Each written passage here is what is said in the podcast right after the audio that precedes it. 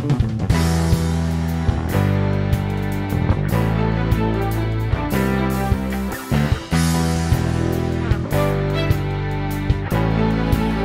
saudara yang Tuhan Salam sehat Tuhan memberkati.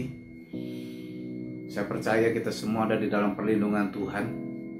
Kita semua ada dalam tangan pemeliharaan Tuhan Saudara dikasih Tuhan hari ini saya mau sharing tentang Bagaimana kita bisa bertahan hidup dan bertumbuh di dalam masa pandemi Corona ini Ayatnya saya ambil di dalam Matius pasal yang ke-6 ayat yang ke-30 Jadi jika demikian Allah mendandani rumput di ladang yang hari ini ada dan besok dibuang ke dalam api. Tidak kaya terlebih lagi mendandani kamu, hai orang yang kurang percaya.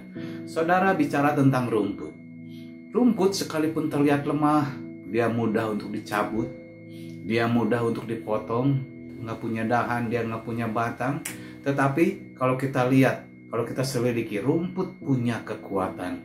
Terbukti, dia bisa tumbuh di negara mana saja di seluruh dunia ini dia bisa bertumbuh di berbagai musim. Dia bisa bertumbuh di dalam situasi dan kondisi apa pun. Dia bisa tumbuh di tempat-tempat ekstrim. Dia bisa tumbuh di lereng-lereng yang curam, di jurang-jurang dia bisa tumbuh. Dia bisa tumbuh di antara himpitan bebatuan, bahkan dia bisa tumbuh di padang gurun. Nah, kalau kita juga lihat manfaat rumput, apa sih manfaat rumput? Manfaat rumput yang pertama dia adalah untuk makanan hewan untuk makanan ternak. Kemudian yang kedua, manfaat rumput, kegunaan rumput hanya sebagai pelengkap. Ketika seseorang membuat taman atau kebun, maka rumput itu bukan sebagai tanaman yang utama. Rumput itu hanya sebagai pelengkap. Sebagai tanaman yang utama adalah bunga-bunga yang mahal-mahal, yang indah-indah, yang bagus-bagus, salah satunya anggrek. Dan rumput, rumput hanya sebagai pelengkap. Kemudian kegunaan yang ketiga apa? Dia untuk tumbuh untuk diinjak orang. Tetapi meskipun demikian, rumput tetap tumbuh. Karena rumput tahu bahwa dia tumbuh untuk menjadi berkat.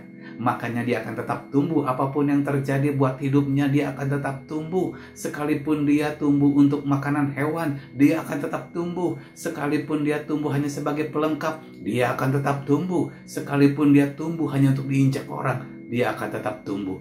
Karena apa? Tanpa rumput hewan akan banyak yang mati kelaparan. Tanpa rumput, kebun, taman yang dibangun orang tidak akan menjadi indah. Tanpa rumput, tanah tidak akan enak, tidak akan nyaman untuk diinjak. Nah, saudara dikasih Tuhan, kita pelajari, kita belajar dari rumput. Ada tiga unsur yang dibutuhkan oleh rumput untuk bisa bertahan hidup dan tumbuh di mana pun dia berada. Dia bisa bertahan hidup, dia bisa bertumbuh. Unsur yang pertama adalah tanah. Tanah adalah sumber kehidupan buat rumput. Tanah adalah tempat akar rumput mengikatkan dirinya. Selama ada tanah, rumput bisa hidup. Karena tanah adalah sumber kehidupan buat rumput. Nah, apakah sumber kehidupan buat kita? Sumber kehidupan buat kita adalah Tuhan Yesus. Tinggal dan melekatlah kepada Tuhan Yesus, maka kita akan hidup.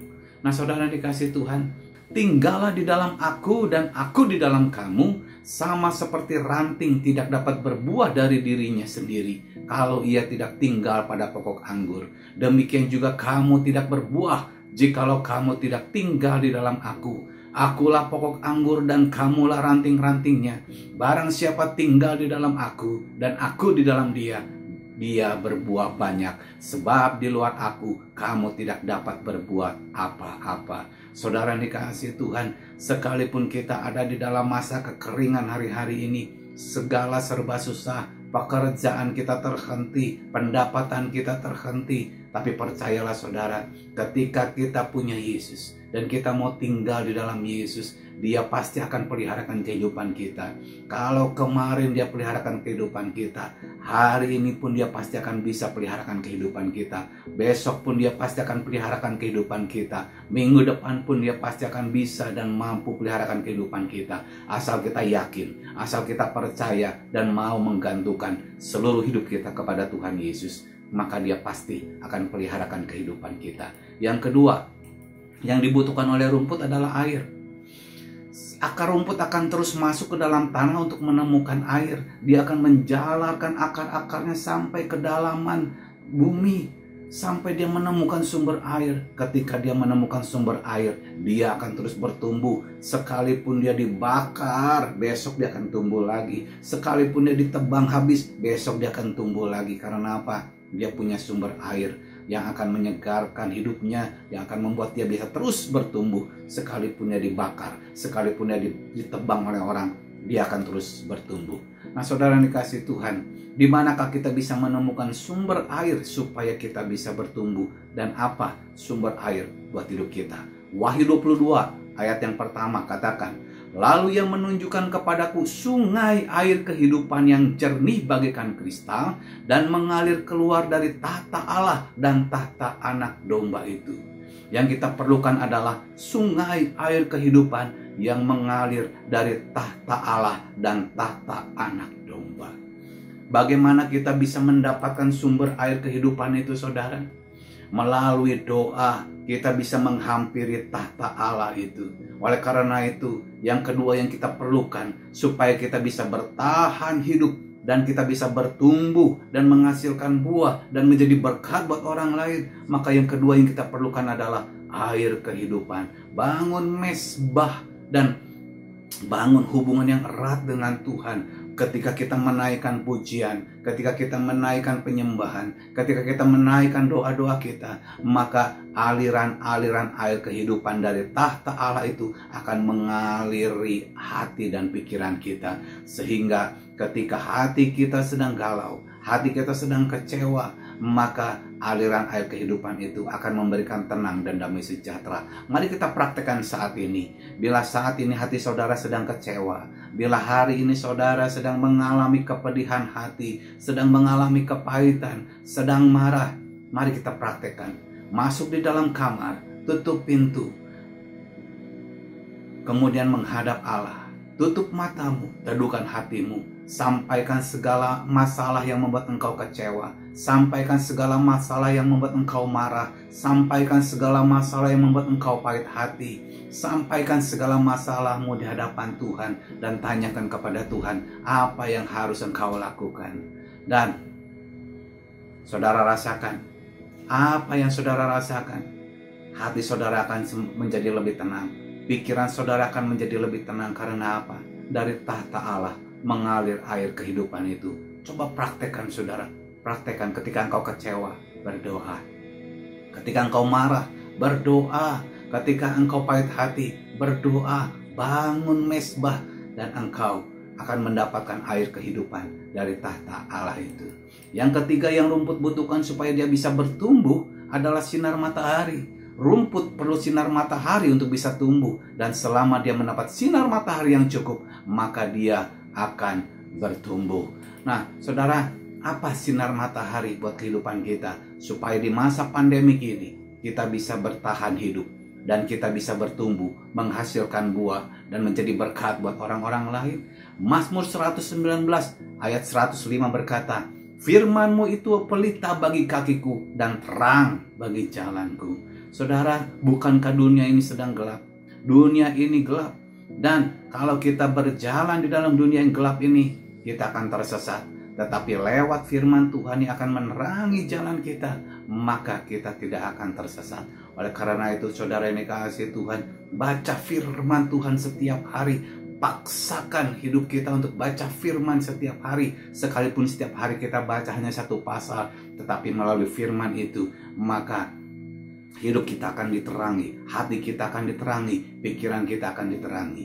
Mazmur 119 ayat 130 berkata, Bila tersingkap Firman-firmanmu memberi terang, memberi pengertian kepada orang-orang bodoh. Saudara dikasih Tuhan, waktu pikiran kita, sedang gelap, waktu hati kita sedang gelap, baca firman Tuhan. Firman Tuhan akan menerangi hati dan pikiran kita yang membuat hati yang sedang gelap, pikiran yang sedang, sedang gelap akan menjadi terang. Jalan yang sedang gelap akan diterangi lewat firman Tuhan itu. Nah, saudara dikasih Tuhan, firman Tuhan akan memberikan pengertian kepada kita berupa hikmat supaya kita bisa berkarya dan lewat karya itu kita bisa bertahan hidup dan bertumbuh. Bukan hanya bertumbuh, kita akan menghasilkan buah. Dan buah yang kita hasilkan akan menjadi berkat buat orang di sekitar kita. Nah saudara dikasih Tuhan, kesimpulannya bagaimana supaya kita bisa bertahan hidup dan bertumbuh di masa pandemi corona ini? Yang pertama, Tuhan Yesus. Tuhan Yesus adalah sumber kehidupan kita saudara. Ikatkan diri kita kepada Tuhan. Percayalah kepada dia. Apa pun yang terjadi, andalkan Yesus. Jangan mengandalkan manusia. Jika kita mengandalkan manusia, kita akan kecewa. Tetapi ketika kita mengandalkan Tuhan Yesus, kita tidak akan pernah kecewa. Yang kedua, hampiri tahta Allah. Hampiri tahta Allah. Lewat apa? Lewat mesbah doa. Bangun pujian dan penyembahan di mesbah itu. Maka aliran-aliran air kehidupan akan mengalir di dalam hati dan pikiran kita. Akan membuat hati dan pikiran kita menjadi tenang dan damai sejahtera akan menguasai kehidupan kita. Yang ketiga, firman Tuhan sangat diperlukan oleh kita untuk menerangi jalan hidup kita. Tanpa firman Tuhan, kita akan tersesat. Tanpa firman Tuhan, kita akan kita tidak akan kuat menghadapi kehidupan ini, saudara. Menghadapi situasi pandemi hari-hari ini. Oleh karena itu, saudara, paksakan dirimu untuk baca firman Tuhan setiap hari. Mari kita berdoa. Tuhan Yesus, hamamu berdoa pada hari ini untuk setiap mereka yang mengalami masalah dan persoalan di dalam masa pandemi corona hari-hari ini. Mereka yang kehilangan pekerjaan, mereka yang kehilangan usaha, mereka yang kehilangan bisnis mereka. Tuhan, berikanlah kepada mereka hikmat, pengertian yang daripada Engkau supaya melalui hikmat itu mereka boleh menemukan pekerjaan yang baru, mereka boleh menemukan usaha yang baru, mereka boleh menemukan bisnis yang baru di tengah-tengah pandemi ini. Tuhan, hamba berdoa bagi mereka yang sedang mengalami sakit penyakit. Kiranya Engkau menjamah mereka dan menyembuhkan mereka di dalam nama Tuhan Yesus Kristus. Karena oleh bilur-bilurmu, segala sakit penyakit kami sudah disembuhkan. Hambamu juga berdoa bagi mereka yang sedang mengalami masalah di dalam rumah tangga mereka. Tuhan, berikanlah kuasa pengampunan kepada mereka, sehingga suami bisa mengampuni istri, istri bisa mengampuni suami, anak-anak bisa mengampuni orang tua, orang tua bisa mengampuni anak-anak. Demikian juga kepada mertua bisa mengampuni menantu, dan menantu bisa mengampuni mertua. Sehingga ketika pengampunan itu ada di antara mereka, maka kerukunan terjadi di dalam keluarga rumah tangga mereka. Dan ketika kerukunan ada di dalam rumah tangga mereka, maka berkat Tuhan akan Tuhan perintahkan atas rumah tangga itu. Terima kasih Tuhan Yesus, Engkau berkati mereka semua di dalam nama Tuhan Yesus. Haleluya. Amin. Tuhan Yesus